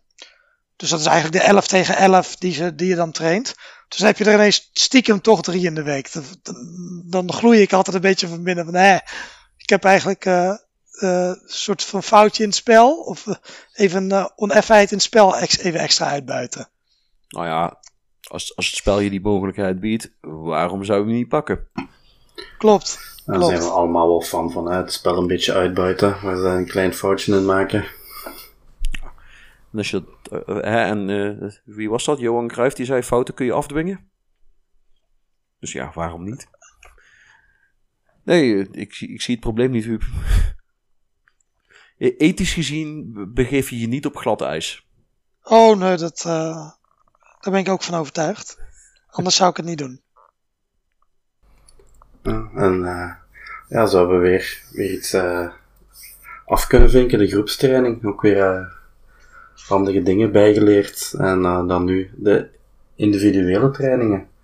Waar ik dan zelf wel een, eh, een, een page aan doe. Als, een, eh, als ik wil dat iemand die rol gaat leren, dan geef ik hem ook die rol. Om, op, op te trainen, maar voor de rest, ik vergeet het ook wel eens. En daar blijft het dan ook bij. Het is niet dat ik er dieper op inga wat, wat iemand zo doet in de training met het in- individuele. Dus eh, ook hier ga ik het eh, aan jullie overlaten met eh, de kennis van zaken. Dus eh ga jullie gang. Zal ik hem eerst pakken, Huub? Ja, is goed. Nou, bij de jeugd doe ik nog niet zo heel veel met de, rol, met de individuele trainingen. Tenzij ik echt het idee heb dat een speler voor de rol die ik in gedachten heb, eh, echt, echt iets nodig heeft. Dan zet ik hem niet op een specifieke roltraining, maar meer op een focus qua attributengroep. Dat je bijvoorbeeld, als, als ik met een hoge lijn speel en die verdediger is eigenlijk wat aan een trage kant, laat ik hem op quickness trainen in de hoop dat dat nog een beetje aantrekt. Eh, als dat niet zo is, eh, zijn we vrij rücksichtsloos in het doorselecteren overigens. Eh, maar laat ik ze nog niet op speciale rollen trainen. Ik kijk wel eens gewoon hoe een speler zich natuurlijk ontwikkelt. En dan kijk ik van daaruit wel door van... Nou, gaat het ook een ballplaying defender worden? Of eh, kan ik hem misschien niet beter omtrainen naar verdedigende middenvelder... omdat hij daar beter tot zijn recht kan, komt... En meestal maak ik zo rond 18, 19 begin ik die schifting te maken. Als ze dan nog niet in het eerste staan omdat ze goed genoeg zijn, gaan we kijken op welke manier ga jij wel in het eerste komen. Of misschien is het dan inderdaad, we gaan van jou proberen om daar een eh, leuke eredivisie-speler van te maken. Maar met het idee voor de verkoop en niet met het idee van jij gaat het bij ons redden. Dus de individuele training, eh, die is echt alleen voor in het eerste. Dat zijn dan spelers, dat is end product. En daar moet dan nog een beetje aan geveild en gepolijst worden. Dat kan je dan vooral doen door ze op die, die attributen te laten trainen die ze ook nodig hebben om bij jou verder te komen. Eh, in de jeugd, dan laat ik ze ook echt op rollen trainen. In de jeugd doe ik dat niet. Dan is het meer als ik een zwakke plek in hun, in, in hun skillset. Jezus, ik gebruik veel Engelse woorden vandaag. In hun, eh, in hun eigenschappen ontdekt heb, dat ik daar, eh, dat ik daar probeer om die te verhelpen. Noem eens wat een centrumverdediger die niet kan springen of die hartstikke langzaam is. Ja, dat is natuurlijk een risico. Nou, in de jeugd kun je dat met training nog proberen een beetje bij te werken. Als je ziet dat een speler daar niet genoeg stappen in maakt, of dat niet op een andere manier kan compenseren door hem naar een andere positie over te hevelen, ja, dan is het misschien toch tijd om uit te gaan kijken naar een, eh, naar een andere speler of naar een transfer. Zeker. Kijk, alleen Guido aan het woord geweest en eh, we hebben al iets bijgeleerd, want eh, ik geef ze wel een specifieke rol eh, van in de jeugd al, dus Ja, misschien ik- moet ik daar toch ook eens gaan herbekijken. Nou, ik doe, ik doe dat ook hoor, Glenn, omdat ik denk dat dat als aanvulling belangrijk is. Het is wel zo dat ik, ik geef ze niet altijd de rol die ik gebruik in mijn tactiek. Ehm, zowel in de jeugd als in het eerste niet. Stel bijvoorbeeld dat ik met een anchorman speel. Eh, dan kan ik me best voorstellen dat ik hem dan als verdedigende middenvelder of als een halfback laat trainen. Omdat hij dan net nog wat meer attributen, eh, bijvoorbeeld ook balaanname en passing, eh, neemt hij dan ook daarin mee. Terwijl ik denk, ja, dat zijn misschien niet de kernattributen voor een anchorman. Maar ik wil wel dat dat gewoon ook op orde is, ook bij mijn anchorman in mijn eerste. Ehm, dus op die manier geef ik ze niet altijd de rol, maar kijk ik naar welke attributen passen daarbij. Ehm, soms zie ik ook dat je dan iemand eh, een eh, aanvallend. Dan speel je met een eh, met één op support, maar dan geef ik hem toch de aanvallende taak mee Omdat hij dan bijvoorbeeld ook nog flair meepakt of zo. Dan denk je, oh, dat is wel mooi om gewoon echt nog even extra mee te pakken. Ehm, ik ben een beetje aan het twijfelen van, hey, ga ik nou proberen de sterke kanten te versterken? Of juist de zwakke kanten wat bij te laten trekken? Dat wisselt een beetje per speler. Heeft ook met het totaalplaatje te maken. Ehm, dan heb je het echt over de additionele focus. Dus ik probeer eigenlijk iedereen sowieso wel een uh, rol en een taak, een positierol en taak uh, mee te geven. Ehm, en daarnaast kijk ik een beetje met de additionele focus. Wat sowieso belangrijk is, en ik vermoed dat bijna alle luisteraars dit wel weten, maar ik wil het toch gezegd hebben. Um, als je kijkt bij, je training, bij de trainingen die je gepland hebt, daar staat uh, eigenschappen of uh, attributen die getraind worden. Er staat vaak een heel rijtje. Als je in je week geen trainingen hebt waar daar individuele rollen staan, trainen ze die ook niet.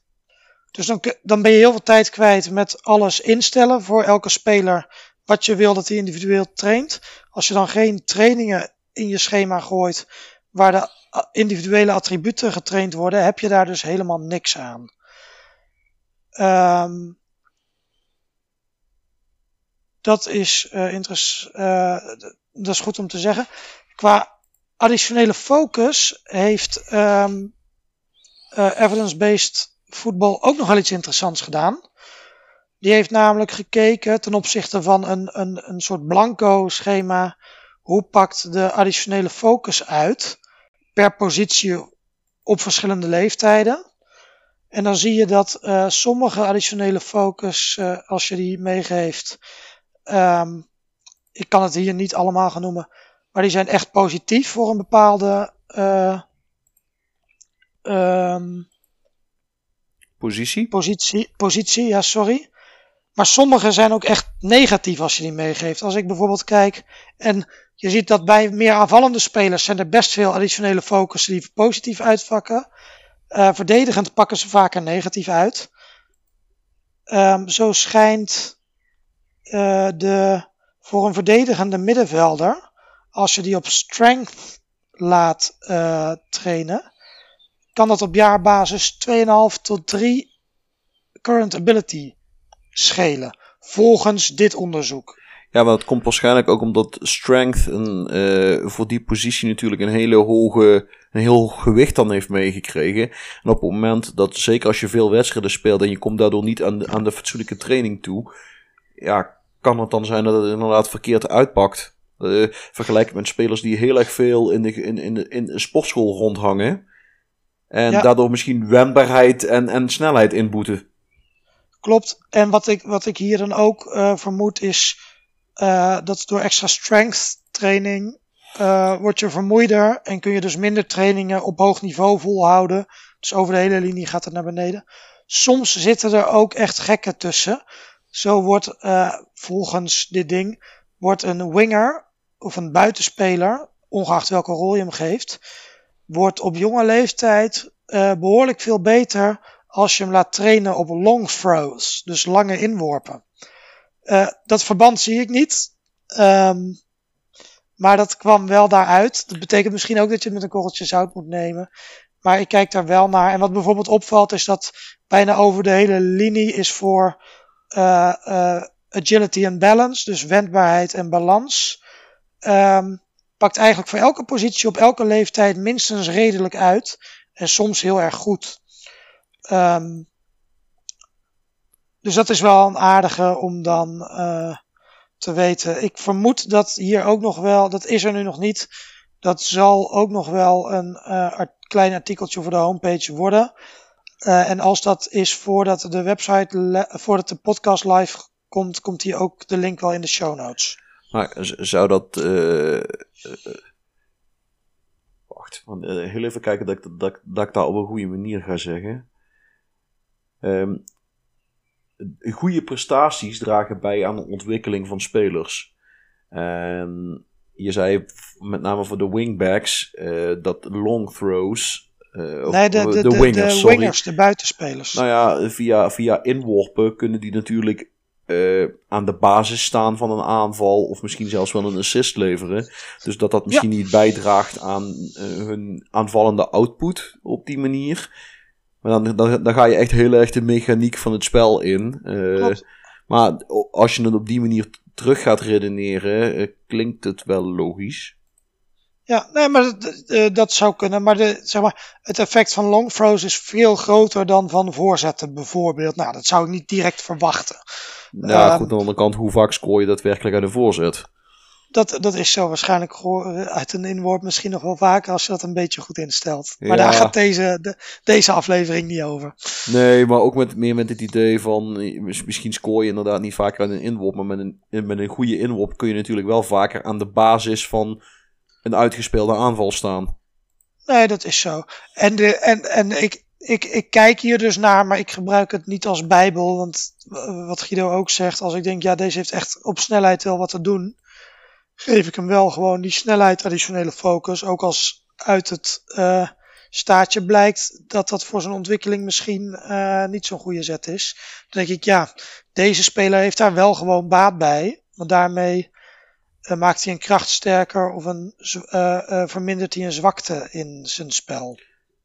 Dat. Ja, hè, dan ga je weer met je balans, maar je probeert het wel Ja. een beetje in balans te houden. Klopt, wat wel zo is, maar dat geldt natuurlijk voor de totale ontwikkeling. Het effect op jonge leeftijd is groter en dat neemt af naarmate spelers ouder worden. Ehm, maar ja, als dat betekent dat ze minder de algemene training meekrijgen, kun je ook weer afvragen of dat dan is wat je wenst. Absoluut, waar. Dus ja, ik, ik weet niet, Glenn, eh, is dat een, eh, een mooi antwoord op je vraag? Ja, dat is alleszins weer een hele boterham eh, om, eh, om erbij te nemen. Ik, eh, ik leer hier echt eh, bij van altijd die podcast. Eh, ik dacht dat ik wel een beetje goed FM kon spelen, maar ik ga er zeker nog niet diep genoeg op in. Alleszins die addi- additionele focus gebruik ik eigenlijk zelden tot nooit al. Dus, eh, ja, we gaan weer wat bijleren. Ook belangrijk. En dan eh, komen we weer al aan een, eh, aan een nieuw puntje en dat is eh, de voorbereiding. En voor elke manager in real life op FM zal het voor iedereen anders zijn. Iedereen zal zijn eigen visie hebben. De ene wil, wil alles fysiek bosjes lopen gaan doen om te zorgen dat de ploeg fysiek klaar is. Een trainer die het seizoen overneemt klaagt dat de fysiek van de spelers te slecht is. En dan anderen die doen niks anders dan oefenwedstrijden spelen. En ja, in FM is het hetzelfde eigenlijk. En ik hoor bij de groep die zegt van, oh, ik ga wel oefenwedstrijdjes spelen, de moraal erin, de tactiek erin, en dan komt alles wel goed. Maar ik weet niet of dat de juiste keuze is natuurlijk. Nou ja, nou ja, ik moet zeggen, het, het is ook mijn eh, visie. Ik heb wel eh, wat, wat, wat streamers en dingen gezien. En ook wel eens eh, vaker gehoord van mensen die zeggen: ja, je moet heel zwaar inzetten op fysiek, want dan eh, kunnen ze het, eh, het seizoen aan. Waarbij ik altijd denk: ja, maar als ik nadenk over hoe, de, hoe het spel volgens mij werkt met die attributen, is even heel zwaar inzetten op fysiek levert niet een enorme sprong qua attributen op. Ehm, dus heb je daar dan door het jaar heen zoveel aan? Misschien dat Guido daar zo wat over kan zeggen. Ik zet daarom. Oh ja, ik zie Guido al reageren. Nee, in, in principe heb je dan een kortstondige boost. En ja, op, dat zakt op een gegeven moment dan ook weer weg. Op het moment dat de focus op andere dingen komt te liggen. En Ja. Dus, dus, dus ik, ik kies ook voor eh, eh, veel wedstrijden. Voor zowel de wedstrijdfitheid als de tactische bekendheid. En dan twijfel ik een beetje tussen twee dingen. Ik heb eh, wel gespeeld met. ehm, waarbij ik twee of zelfs drie wedstrijden in één week plande. En dan gewoon daartussen eigenlijk alleen maar tactische trainingen. Eh, zodat je ook al je spelers uit je selectie wat kunnen doen. Ik heb ook wel eens gewoon trainingsweken gemaakt. En dan in het weekend een friendly cup organiseren. Zodat je op zaterdag en op zondag een wedstrijd hebt. Eh, en dan kunnen, kan ook je basis en je reserveteam kunnen gewoon allebei lekker ballen. En dan heb je wel je trainingstijd ook te benutten. Welk van die twee mij het best bevalt, weet ik nog niet helemaal. Ja, ik, zit, ik zit zelf met de voorbereiding dat ik eigenlijk max één, één oefenwedstrijd per week speel. Ook met het idee van ik wil de trainingstijd niet te veel eh, om, om zeep helpen. En de rest is een, is een combinatie inderdaad van fysiek en inzetten op het, op het tactische aspect. Maar goed, ik heb ook een, een niet, geen standaard tactiek en ook geen standaard instellingen. Dus ja, dan moet je wel. Want als je, als je dat puur op de wedstrijden aan laat komen, dan, dan duurt het te lang voordat ze het doorhebben. Dat is, dat is wel een dingetje. Ehm, zeker als je afhankelijk bent van die looppatronen en op het juiste moment zonder bal gaan lopen. Ja, eh, als je dat niet in de voorbereiding al inslijpt, ja, wanneer, wanneer dan wel? Want als het om de knikkers gaat, ja, dan moeten ze er staan. En dan helpt het niet als je dat soort zaken nog moet gaan inslijpen en, en, en überhaupt moet gaan doen. Dus dat, dat, daar gebruik ik wel de voorbereiding voor. En vaak heb ik dan twee of drie echt verschillende tactische stijlen in de tactieken staan. Dat ze op alle drie een beetje trainen. Waardoor ik ook wat makkelijker in het seizoen kan wisselen als het nodig is. Als ik een, als ik een wedstrijd wil omgooien, dan helpt het wel als ze ook bekend zijn met plan B en eventueel zelfs plan C. Ja. En dan ben ik wel benieuwd, uh, Guido. Gebruik je daar dan vooral de defensive shape, de verdedigende opstelling en de attacking movement voor? Nou, dat ligt dan denk ik vooral aan. Uh, als ik in een low block speel, dan is het zeker belangrijk dat je die defensive shape goed hebt staan. Um, en dan is attacking movement iets minder belangrijk, want die ruimte komt dan toch wel omdat je zelf veel dieper inzakt. Terwijl mijn idee attacking movement wordt vooral super belangrijk als je zelf de dominante partij bent. Want dan zijn de ruimtes waar je in speelt zijn veel kleiner. En dan maakt die, maakt die goede loopactie maakt dan echt het verschil tussen wel of niet een doelpunt. Terwijl als je gewoon op de counter speelt, je vangt ze halverwege jouw helft op. Ja, er ligt een gapende, ligt een hoop ruimte achter. Dan is het meer gewoon de bal eroverheen pompen en gaan. Dus dat ligt een beetje aan mijn eigen uitgangspunten. Maar ja, dat zijn wel inderdaad twee primaire zaken waar ik mee bezig ben, ja. Ja. En dan uh, het, het zwaar inzetten op fysiek. Dat, is niet dat als je dat dan doet door uh, in de voorbereiding, dat ze dan opeens in een, een drukke periode langer fit gaan blijven of zo. Dat effect gaat je bijvoorbeeld in oktober niet meer echt uh, merken. Nee, nee daar, moet, daar moet je inderdaad niet van uitgaan dat dat ja, enorme winst gaat opleveren, zeg maar.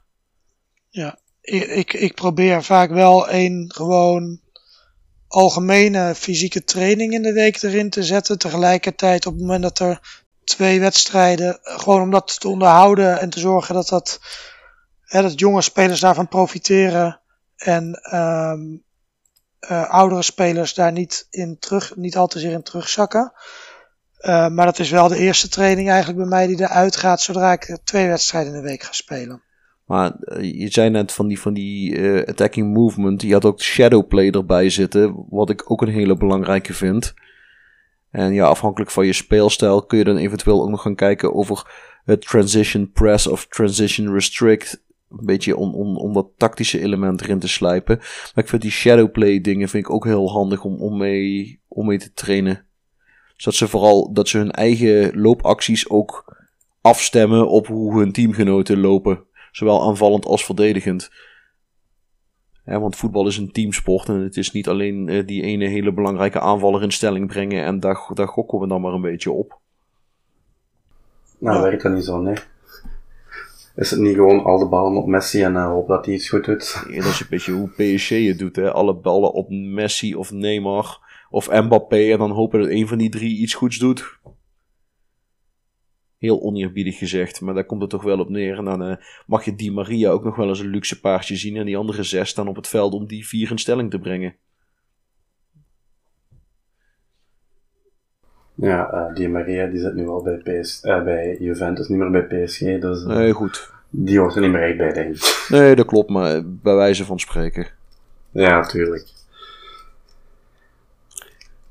Ja, dan zo gaan we wel uh, erdoor natuurlijk, hè. de voorbereiding. We leren dan vooral inzetten op die fysiek. Geen, niet echt de grote meerwaarde naar het einde van het seizoen toe en het midden van het seizoen. Dus dan toch maar uh, die tactiek erin, uh, erin krijgen. voor degenen die nog moesten twijfelen wat ze zouden doen. De keuze is bij deze gemaakt. Ja. En ja, dan gaan we nu naar, naar de jeugdteams. En ja, Guido, jij zei al dat je daar wel uh, de schema's voor gaat maken. En, dus, heb al. Dan gaan we deze dan nu laten. Ik, ik heb... ja, dus deze gaan we nu laten. Precies, ik, ik denk dat ik die al een jaar of twee, drie gebruik. En dat was echt vooral met het idee, in, in de jeugd, daar kun je nog de grote winst pakken in de trainingen, omdat ze daar gewoon simpelweg meer trainen. Eh, in de jeugd spelen ze vaak maar één wedstrijdje in de week. Dus ja, daar heb je, heb je gewoon vijf dagen over om te trainen. En daar denk ik dan, daar vind ik het. Nou, ik zeg niet dat ik het tactische aspect niet belangrijk vind. Want dat is, dat is gewoon simpelweg niet waar. Alles wat ik ze daar al aan tactisch besef kan bijbrengen, is gewoon mooi meegenomen. Maar dat is nou ja, daar heb ik inderdaad gewoon echt trainingen die volle bak inzetten op maximaal gebruik maken van de trainingsunits die er zijn. Daar maakt me de fysieke fitness van de spelers ook iets minder uit. Als ze daardoor wat vermoeider aan een wedstrijd beginnen, vind ik dat iets minder belangrijk, omdat het me bij de jeugd ook wat minder uitmaakt of we gewoon elk jaar los kampioen spelen of niet. Daar gaat het vooral om, ik wil spelers ontwikkelen die, op, die op termijn kunnen doorstromen naar mijn eerste elftal. En voor hogere weerstand is het dan inderdaad ook wel zo dat, dat spelers van 17, als ik denk dat ze goed genoeg zijn, gewoon in de onder 21 al meedoen. Want ik denk dat ze daar dan meer aan hebben aan trainingsweerstand en betere staf die ik daar kan, die ik daar kan inzetten. Dan wanneer ik ze bij jongetjes van 17 mee laat trainen, waar ze, vaak op, waar ze vaak fysiek uitblinken, maar dus niet beter worden in al die andere aspecten van het voetbalspel. Nou, dat was denk ik een heel erg Ajax antwoord van mij. Uh, ja, en dat is ook hoe ik er naar kijk. Um, zeker bij het eerste wil je ook wel zorgen voor. Hè, wil je ook tactisch goed voorbereid zijn op de wedstrijd. Dus dat je spelers de tactiek helemaal uh, uh, kennen en beheersen. Bij de jeugd is dat minder belangrijk. Dan is ook voor mij ontwikkeling belangrijker dan um, nou ja, dat ze voor de volgende wedstrijd helemaal optimaal voorbereid zijn op wat ze daar tactisch kunnen verwachten. Uh, dus daar kies ik toch wat meer voor focus op attributen, ontwikkeling van attributen. En dan gaan er maar wat een paar wedstrijdvoorbereidingsdingen uh, uit. Uh, ook daar blijf ik natuurlijk wel op letten van hey, hou ik wel trainingen waar ook de in, individuele attributen getraind worden. Um, zodat ze ook wel echt die aandacht aan die rolontwikkeling blijven geven. En die zitten toch relatief weer wat vaker bij de wedstrijdvoorbereiding. Dus het, zit er, het is niet zo dat het er niet in zit. Maar ja, die, gewoon die bekendheid met de tactiek, die, ja, die doet er in de jeugd minder toe. Dus gaat er meer aandacht naar de, um, echt naar het ontwikkelen van de attributen. Ja. Ja, dat is, uh, ja, persoonlijk, ik, ik bekijk de trainingsschema's van de jeugd eigenlijk ook niet. Dus, ja, maar ik uh, hoor nu wel dat daar vooral uh, het, uh, de winst is uit te halen met de, met de new gens, om die echt wel optimaal te laten groeien. Want soms heb ik wel iets dat ik een, een 16-jarige koop. En ik denk van, ah, die gaat het worden, of die komt in de jeugd. En uiteindelijk wordt hem het dan niet. En dat is dan waarschijnlijk deels omdat ik die trainingsschema's niet juist ga instellen, of ook niet de juiste trainers heb voor, voor de jeugd dan. Ja. Nou is het wel zo dat de uh, preset tactieken die de assistent natuurlijk ook gebruikt. Trainingen. Uh, uh, ja, sorry, de preset trainingen die de assistent ook gebruikt. Die zijn wat ik begrepen heb best oké. Okay. Zij dus het, het gaat echt niet helemaal mis, maar je kunt, je kunt er wel wat extra's uithalen. De vraag is natuurlijk, bij bijna alles kun je er wel wat extra's uithalen. En je wil niet alles, in alles heel veel tijd gaan spelen, gaan steken, want dan duurt het spel gewoon te lang. Nee, als je het helemaal kapot gaat analyseren, dan kom je inderdaad niet heel ver. Nee. Dan, uh, ben, je heel, nee. dan ben je heel lang bezig met één seizoen. Wat, hey, en als jij zo iemand bent, uh, niks mis mee. Wij veroordelen je niet. Laten we dat even voorop stellen. Maar ik haal er meer lol uit om ook op de lange termijn te kijken hoe dat een beetje loopt. En ja, goed, dat, dat werkt op die manier in ieder geval voor geen ene meter. Ja. Wat, wat een oplossing zou kunnen zijn als je zegt: Ik wil wel die extra bonus die er te behalen is, maar ik ga er zelf niet al te veel tijd in steken. er zijn ook prima eh, trainingsschema's online te vinden. Als je daar een beetje zoekt naar wat populaire. Ehm, daar kun je niet zo snel een buil aan vallen.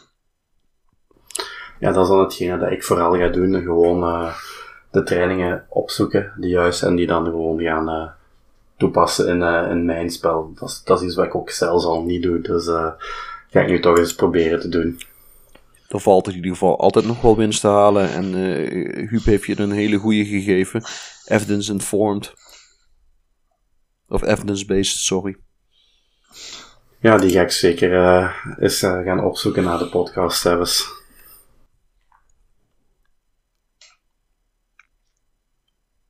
Ja, ik, ik denk wel, want die, die had voor zichzelf een paar uitgangspunten gesteld. Ik heb het zijn filmpje waarin hij zijn schema bekend maakt nog niet gekeken, maar die heeft wel. Eigenlijk wilde hij gewoon één schema dat elke week hij veilig eh, erin kon zetten zonder al te veel gedoe. Dus hij heeft niet gespecificeerd naar op welke dag zijn de wedstrijden, eh, hoeveel wedstrijden in de week. Dus ik denk dat als je die als basis gebruikt en daar nog wat in tweakt, dat je zelfs ten opzichte van dat schema ook nog wel weer winst kunt halen. Maar dat denk ik op basis van zijn uitgangspunten, kan ik niet met zekerheid zeggen. Ik denk dat op het forum zich ook eens iemand met de trainingen heeft bezighouden. Dat dat Daniel. Daniel was. En eh, ik denk dat als je die zijn post erover gaat opzoeken, dat je ook wel eh, heel, eh, heel veel dingen kunt eh, bijleren om te gebruiken in je eigen save game. Dus er zijn wel manieren om ook met niet al te veel moeite en zelf uitzoeken echt wel ehm, ja, gewoon daar verbeteringen aan te brengen en, de, en, en er dus meer uit te halen. Ja, Daniel ging er inderdaad wel heel diep in. En die heeft zich ook eh, ontzettend toegespitst op hoe kun je de ontwikkeling van spelers natuurlijk zoveel mogelijk eh, stimuleren en vormgeven. En ja, dan is training daar natuurlijk een eh, behoorlijk belangrijke factor in. Klopt, ja. Hij ging echt wel heel diep in, in, het, in het FM gebeuren. Misschien daarom dat hij om de zoveel tijd eens eh, verdwijnt, omdat het een beetje te diep gaat. Eh, nee, volgens mij heeft dat echt meer met de privé-situatie van Daniel te maken. Maar ja, oké, ja, ja, ik ken hem niet zo persoonlijk, dus eh, Maar de- goed, daar hebben we het in principe ook niet over. Feit is wel dat de, dat, dat de informatie die hij ook op het forum heeft staan en die hij op meer plaatsen verspreid heeft, natuurlijk wel ontzettend goed en ontzettend waardevol is. Ja, klopt. Dat is eh, zeker een van de uh, users als die posten dat, eh, dat je weet, er zit toch wel een beetje kennis achter. Daarom, en mensen letten op op het moment dat hij iets zegt, omdat er vaak wel wat zinnigs bij zit. Inderdaad. En ik denk dat wij hier vandaag ook weer heel veel zinnige dingen verteld hebben. En dat we het onderwerp van de week ook zo mooi kunnen afronden. En dat hopelijk hebben de luisteraars toch wel allemaal iets bijgeleerd. Ik zeker en vast al wel, dus eh, Niet onbelangrijk, mm, want daar doen we het uiteindelijk wel voor. ja, klopt. En eh, dan gaan we nu over naar eh, onze rubriek van Club, Speler en Boek van de Week. Daar straks heb ik Guido laten beginnen en nu ga ik zelf gewoon de spits af, afbijten. We gaan ervoor. Brilliant! Just brilliant! He gave that the works. Oh, what about that? What about that? De club van de week. Ja, dus, eh, als club van de week heb ik gekozen voor eh, Almere City. Eh, eigenlijk een club die ik heb leren kennen door eh, de uitdaging en voetbalmanager van eh, vorig jaar op het forum. Van eh, een grote stad die eigenlijk geen ploeg had in de hoogste divisie van het land. En eh, voor eh, Nederland was dat dus Almere. Ik had het ook eens opgezocht. Almere heeft meer dan eh 200.000 inwoners om dan geen ploeg te hebben in de eerste divisie, eh, in de eredivisie. Wel een beetje speciaal, maar daar hebben ze ondertussen wel verandering in gebracht, want ze hebben pas de promotie weten veilig te stellen door eh, tegen Emmen in de playoffs te winnen. En eh, ik zag eh, toevallig op Facebook ook een beeldje voorbij komen van een soort van titelviering. vond het wel een beetje ondermaats, maar daarom dat ik ook Almere City als club van de week gekozen heb. Ja, ik, ik ga daar dan denk ik mee, mee op, op aansluiten met de speler van de week. What is going on here? He's done it again! Oh, genius! Absolute genius! De speler van de week. Um, want hè, we zijn dan een beetje aan het kijken naar. Je probeert een speler te pakken die een beetje actueel is, waar je wat mee kan. En dan gaan we voor een, uh, dan gaan we voor een speler die daar ook uh, bij past. En uh, dat is voor ons in dit geval is dat geworden Lens Duivenstein. En de reden waarom wij voor Lens Duivenstein gekozen hebben, is uh, omdat Lens Duivenstein in die promotie-playoffs van Almere City een, een, hele belangrijke rol gespeeld heeft. En ja, dat was, nou ik zal niet zeggen de belangrijkste speler, maar dat was de, in ieder geval degene die de belangrijke doelpunten maakte voor Almere in die play-off wedstrijden. En die daarmee toch wel deels verantwoordelijk is voor de promotie van ja, Almere City naar de Eredivisie. En dat terwijl hij een aantal jaar geleden eigenlijk, nou ja, dat het leek alsof zijn carrière ging eindigen. Dus in dat opzicht heeft hij zichzelf een, een revamp gegeven. Als je wil kijken naar voetbalmanager, dan is Lens Duivenstein een middenvelder. En dan vooral een aanvallend ingestelde middenvelder. Uh, een aantal jaar geleden is hij bij. Nou, hij komt uit de opleiding van, uh, van ADO. Daar is hij niet echt doorgebroken. Toen is hij via Helmond Sport, waar het ook niet echt heel erg lekker ging, uiteindelijk terechtgekomen bij Almere City. En nou, hij heeft gewoon een heel goed seizoen achter de rug met in de reguliere competitie 8 doelpunten, 4 assists. In de play-offs nog eens 3 doelpunten erbij in 6 wedstrijden. Zo kun je toch spreken van een geslaagd seizoen. Uh, een fysiek sterke aanvallende middenvelder. Nou, als ik hem zou moeten inschatten, zou ik zeggen: uh, onderkantje Eredivisie, dat moet lukken. Dus ja, dan zit je denk ik ook op het niveau wat Almere voor komend seizoen gaat nastreven. Lens Duivenstein, onze speler van de week. Mooi, en dan uh, denk ik dat Huub het boek van de week heeft. It's just the most extraordinary scenario you could have dreamt of. The unthinkable unfolds before our eyes. Het boek van de week. Uh, ja, dat klopt. Um, ik dacht, logisch ook, denk ik, passend bij de podcast, hebben we bijna altijd een uh, non-fictieboek. En uh, toen dacht ik, hé, hey, laat ik eens een roman pakken. Of in elk geval een, een fictieboek. nu werd ik verrast doordat enkele weken geleden Paul met Hendrik Groen op de proppen kwam. Ik heb een boek van een bekende schrijver dat over voetbal gaat. Wisten jullie dat Ronald Gippard een, uh, een boek over voetbal geschreven heeft? Nee, nee, totaal niet. Nee.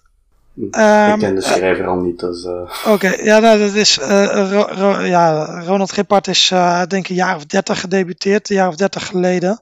Was toen een soort angry young man um, die de Nederlandse literatuur bestormde um, met veel seks en dat soort dingen allemaal.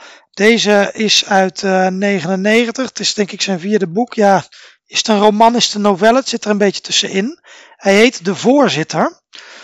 Um, het gaat over een, de voorzitter van een voetbalclub. Hij is tevens zakenman. Bandstad 83 heette de voetbalclub. Uh, ja, hij doet me een beetje denken aan. En wel als, als het is een romanpersonage geworden, dus het, het, is allemaal veel sterker. Maar denk een beetje uh, Karel Albers, uh, Joop Munsterman, zeg maar. Markante maar dan, persoonlijkheid. Markante persoonlijkheid. Um, hij wordt op de achterflap omschreven als oercynisch, mega ongelikt en hyperagressief. Um,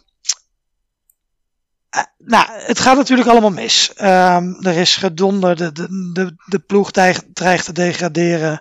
Zonder dat hij het weet, heeft de Afrikaanse spits een verhouding met zijn vrouw.